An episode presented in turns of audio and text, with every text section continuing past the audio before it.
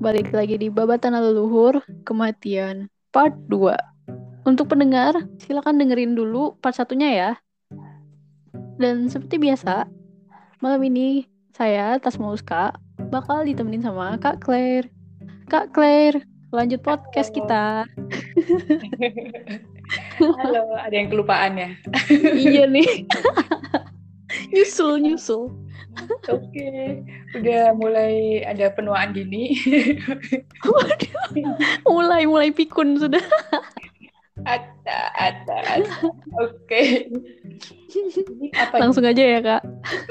Boleh.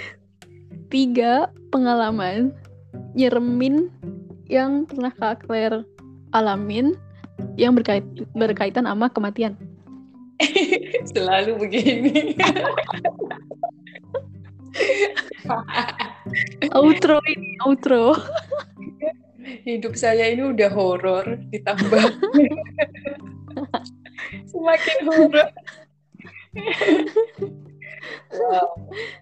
oke okay, ini iya. dari dari bawah dulu ya nomor number three dulu ya. Boleh number, boleh. Number three apa dulu ya? Sejujurnya ada banyak Wow. Jadi saya bingung.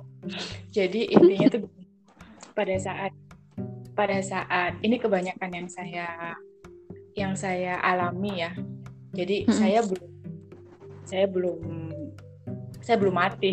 Jadi saya maksudnya saya ber, berkomunikasi berkomunikasi dengan yang dengan yang sudah meninggal gitu. Jadi dari satu kematian ke kematian yang lain rata-rata kok begitu gitu. Jadi saya menyimpulkan begini gitu ya maksudnya.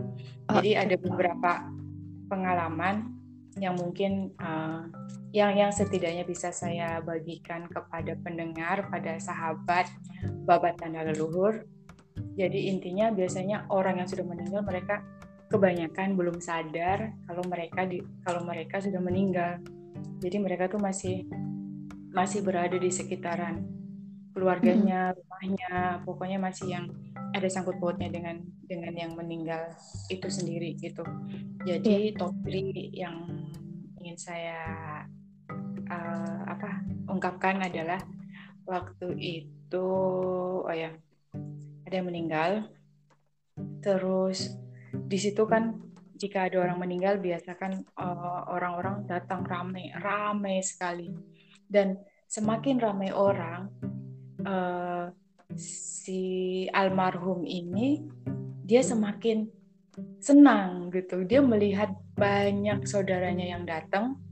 Beliau melihat sanak keluarga yang dari jauh sekali pada datang dan dia senang. Dia menyalami satu persatu dan dia tuh yang sangat sumringah. Dia tuh yang sangat senang melihat kehadiran teman-teman tetangga dan semua kerabat keluarga bahkan yang dari jauh-jauh itu yang pada datang senang sekali dan dia nggak sadar kalau itu tuh selamatan untuk dirinya gitu loh.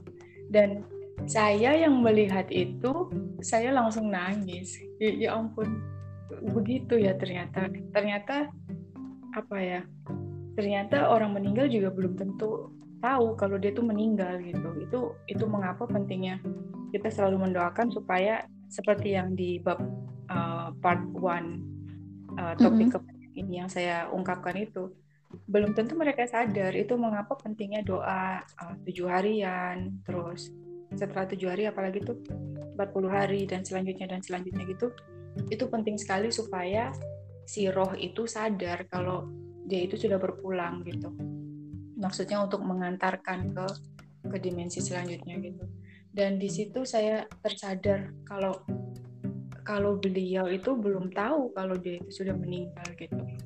Dan dia tuh yang senang sekali jadi dia di depan aja. Jadi dia malah justru dia nggak sadar kalau itu tuh uh, apa ya sedang mendoakan untuk beliau gitu. Dan dia dia hmm. posisi roh ini posisinya itu ada di depan rumah. Jadi dia tidak ada dia tidak dekat dengan jasad tubuhnya. Jadi dia dia benar-benar tidak tahu kalau kalau beliau itu sudah meninggal itu yang yang wow it was really shocking dan yang kedua apa ya banyak nih. Uh, yang kedua ada contoh dua boleh ya? Boleh dong. Pendengar sih seneng-seneng aja. saya bisa didongengin nih kak. Flashback yang agak serem-serem gimana gitu. Uh, yang kedua waktu oh ya jadi waktu itu waktu itu oh ya ada ada ibunya ibunya teman saya meninggal dan mm -hmm. saya itu di sana pada saat apa ya kondisi sakitnya ibaratnya sekaratnya begitu ya hmm. terus mm -hmm. dia itu bercerita kepada saya kalau dia sudah didatangin banyak banyak ibaratnya tuh makhluk atau atau orang-orang yang berbaju putih atau banyak sekali yang dia lihat gitu.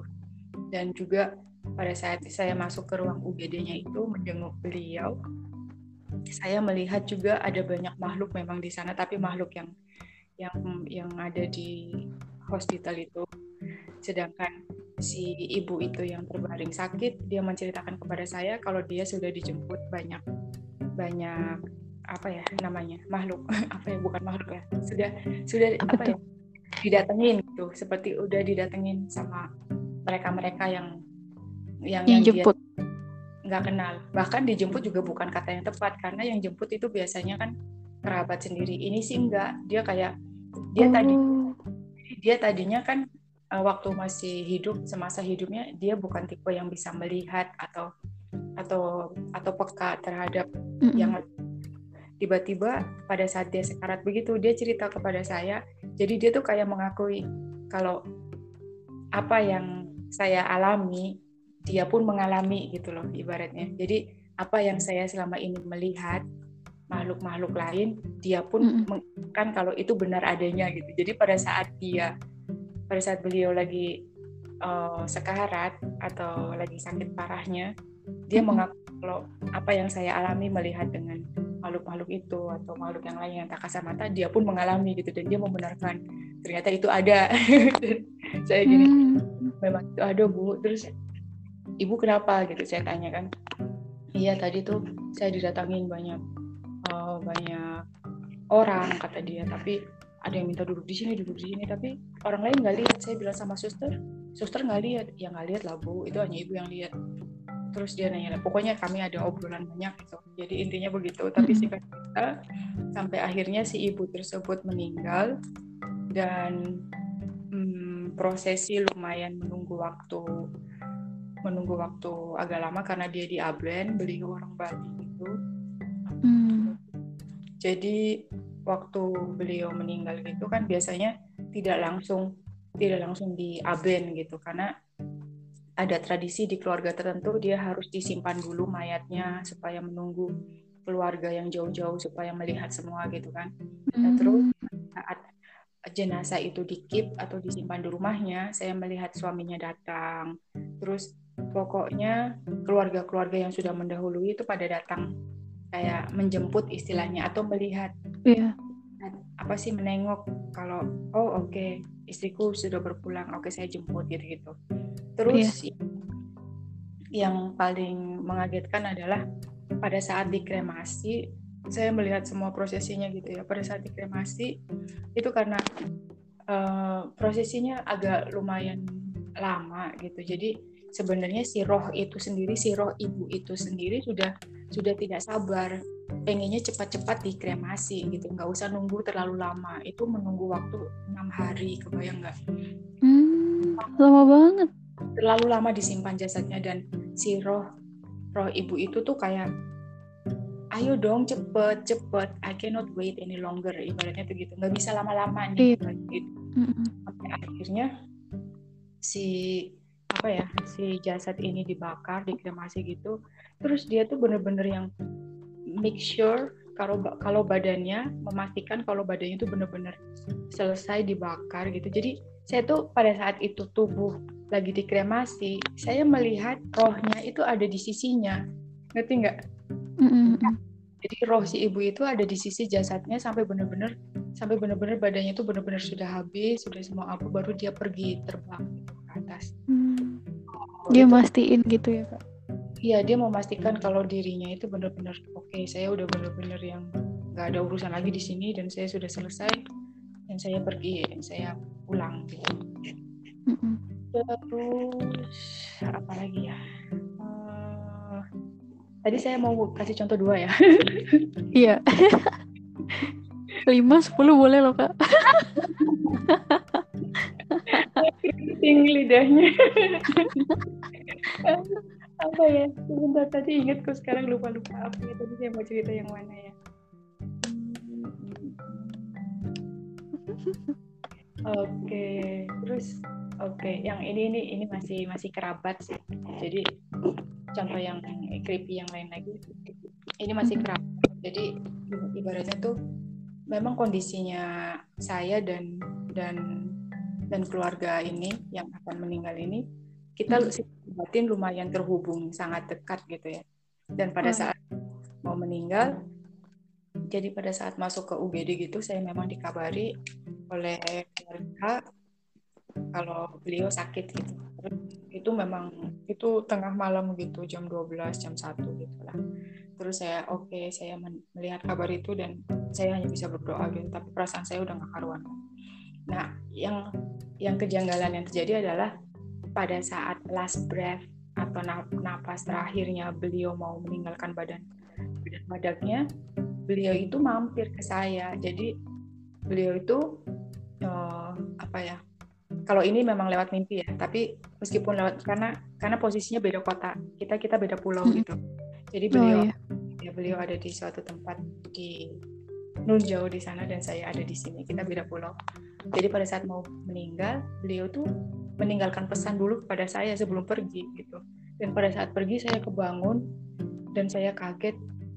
Terus saya dapat kabar beliau sudah berangkat dan pada saat itu juga pada saat saya bangun saya dapat kabar itu. Jadi timingnya itu benar-benar yang pas banget. pas banget antara saya pas kebangun kaget karena beliau ninggalin pesan dia pulang gitu maksudnya dia berangkat beliau berangkat. Dan selang berapa menit saya dapat kabar beliau berpulang. Jadi itu kan kayak wow believe it or not gitu ya. Antara yeah. misalnya badan wadak saya ada di sana juga mungkin akan menyaksikan hal yang sama tapi ini kan badan wadak saya jasadnya saya ada di beda hmm. pulau gitu. Jadi kita tetap terhubung gitu dan saya saya mengalami ini. Itu luar biasa.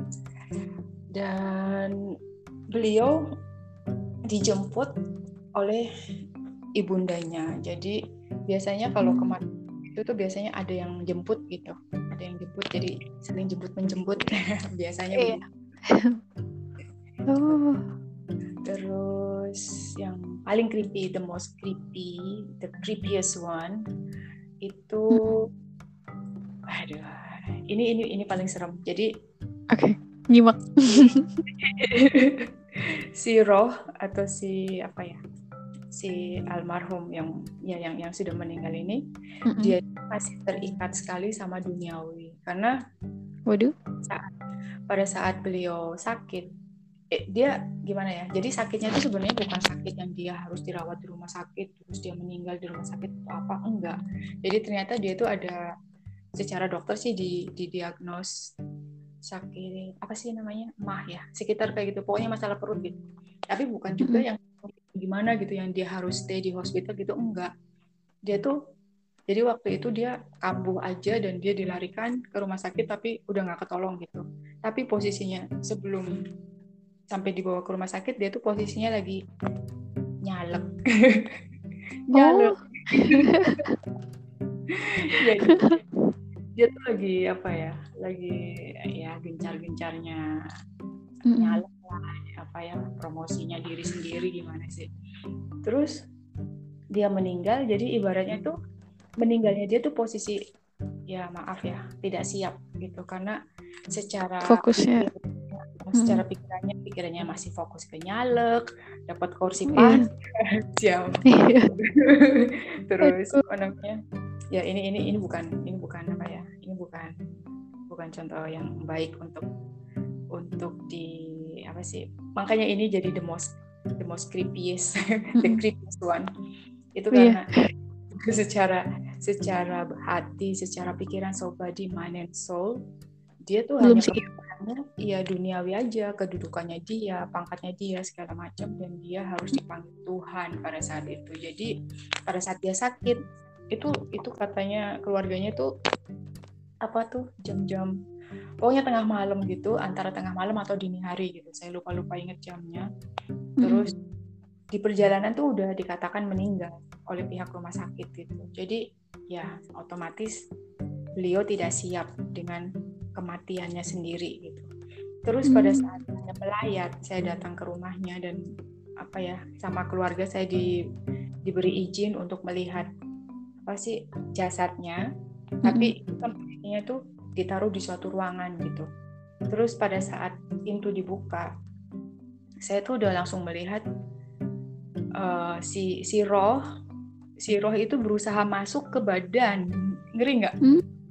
Jadi Ya. Pada saat saya masuk, wah itu pemandangan yang sangat, waduh, menyedihkan sekali. Saya sedih sekali lihatnya. Jadi dia itu berjuang masuk, jadi ngepas-ngepasin dirinya sendiri masuk ke tubuhnya, ngeri nggak? Pengen balik gitu ya. balik jadi dia tuh maksa dan dia tuh nggak sadar kalau dia tuh udah meninggal dan itu ngeri banget saya di situ sedih sekali dan rasanya tuh ya wow itu itu menyakitkan dan menyedihkan saya yang lihat itu rasanya tuh kayak bahasa Cinanya tuh grentes Kak Kret nih emang jago bahasa guys. semua saya saya itu nangis hati ibaratnya. Jadi dia maksa-maksain diri eh, apa ya ngepas-ngepasin Iya. pas rohnya supaya masuk lagi ke ke badannya gitu. Ya jelas nggak bisa lah. Dan itu apa ya jadi ruangannya itu itu karena orang kaya sekali ya. Mm-mm. ini orang kaya sekali yang meninggal dan ibaratnya itu orang orang penting di sini. Jadi ruangannya itu nggak nggak semua orang bisa langsung lihat jasadnya gitu. Jadi dia dimasukkan ke dalam kamar yang khusus hanya untuk jenazahnya dia gitu. Jadi dia itu sebenarnya rohnya itu ada di ada di sekitar ada di sekitar badan wadaknya dia sendiri di jasadnya itu dan setiap kali pintu ditutup pintu kamar ditutup orang udah pergi dia pasti ngepas ngepasin lagi badannya tuh ke badannya tuh Oh. gitu, gitu. ngerti nggak jadi pada saat saya masuk dia tuh langsung tahu saya masuk dia mengenali saya ya karena kami lumayan Mm-mm. kenal beliau kenal saya saya kenal beliau pada Iya. saat karena saya lihat dia gitu dan dia lihat saya gitu dan dia kaget dia langsung ngiprit dia langsung beliau langsung lari gitu maksudnya ngumpet gitu Oh. wow itu menyedihkan sekali itu menyedihkan sekali. Terus saya langsung bilang sama keluarganya ayo kita berdoa di sini saat ini juga. Ya gitu deh. Jadi ini ya gimana ya pembelajaran buat kita yang masih pada hidup. Kalau harta kedudukan tahta apa pun itu yang kita miliki di dunia ini itu semuanya bukan milik kita. Bahkan badan ini pun bukan milik kita. Kita ini milik Tuhan. Semua yang kita miliki itu titipan jadi ya tolong jangan jangan terlalu attach jangan terlalu terikat sama duniawi ini. Karena kita ini di dunia ini ibaratnya tuh mampir ngombe. Hanya hanya sebagai kayak kita nih kayak traveler gitu. Kayak hanya pejalan aja di dunia ini. Kita Iya. toh suatu hari nanti kita harus pulang gitu. Jangan lupa yang kita miliki ini harus kita tinggalkan semua jangan lupa itu karena itu pun bukan milik tubuh ini pun bukan milik kita kita ini milik Tuhan gitu aja Hmm. Wow, ceritanya dalam banget sih. terima kasih dulu Oh ya ya kak, Eh, sebentar kak. Ini mumpung kita masih ngomongin tentang kematian, tadi saya kepikir satu pertanyaan lagi nih. Boleh nggak kak? Boleh. semoga bisa Tambah jawab apa tuh Eh, jadi di part 1 kan kita sempat ngomongin tentang em, ketika seseorang itu baru mau mati, maksudnya kayak 40 hari sebelum kematiannya, dia sempat eh, merasakan ta- tanda-tanda gitu kan. Kayak ada ada firasat segala macam. Nah, em, apakah firasat-firasat itu, petanda-petanda itu dialami juga sama orang yang meninggal karena uh, maaf bunuh diri gitu? Oh kalau bunuh diri enggak lah. Kalau bunuh diri itu kan pikiran pendek, pikiran oh. pendek yang yang karena gangguan gangguan pikiran pikiran buruk, gangguan makhluk lain. Jadi makanya pentingnya menjaga pikiran ini supaya tidak ada gangguan dari yang jahat. Tentunya orang yang bunuh diri itu bukan mereka tidak memiliki pertanda karena mereka memutuskan untuk mengakhiri hidupnya ya mereka yang oh. bukan Tuhan. Itu beda cerita. Oh. Berarti beda emang cerita. kayak uh, ya, emang belum masanya gitu ya. Belum belum waktunya panen ibaratnya buah belum matang terus dia jatuhin diri ibaratnya gitu oh Jadi, iya iya mm-mm. itu beda cerita lagi next oke okay, makasih kak jadi terjawab sama-sama sama-sama. Terima kasih pendengar terima kasih kak Tas terima kasih pendengar terima kasih kak Claire. Terima kasih sama-sama. Dadah.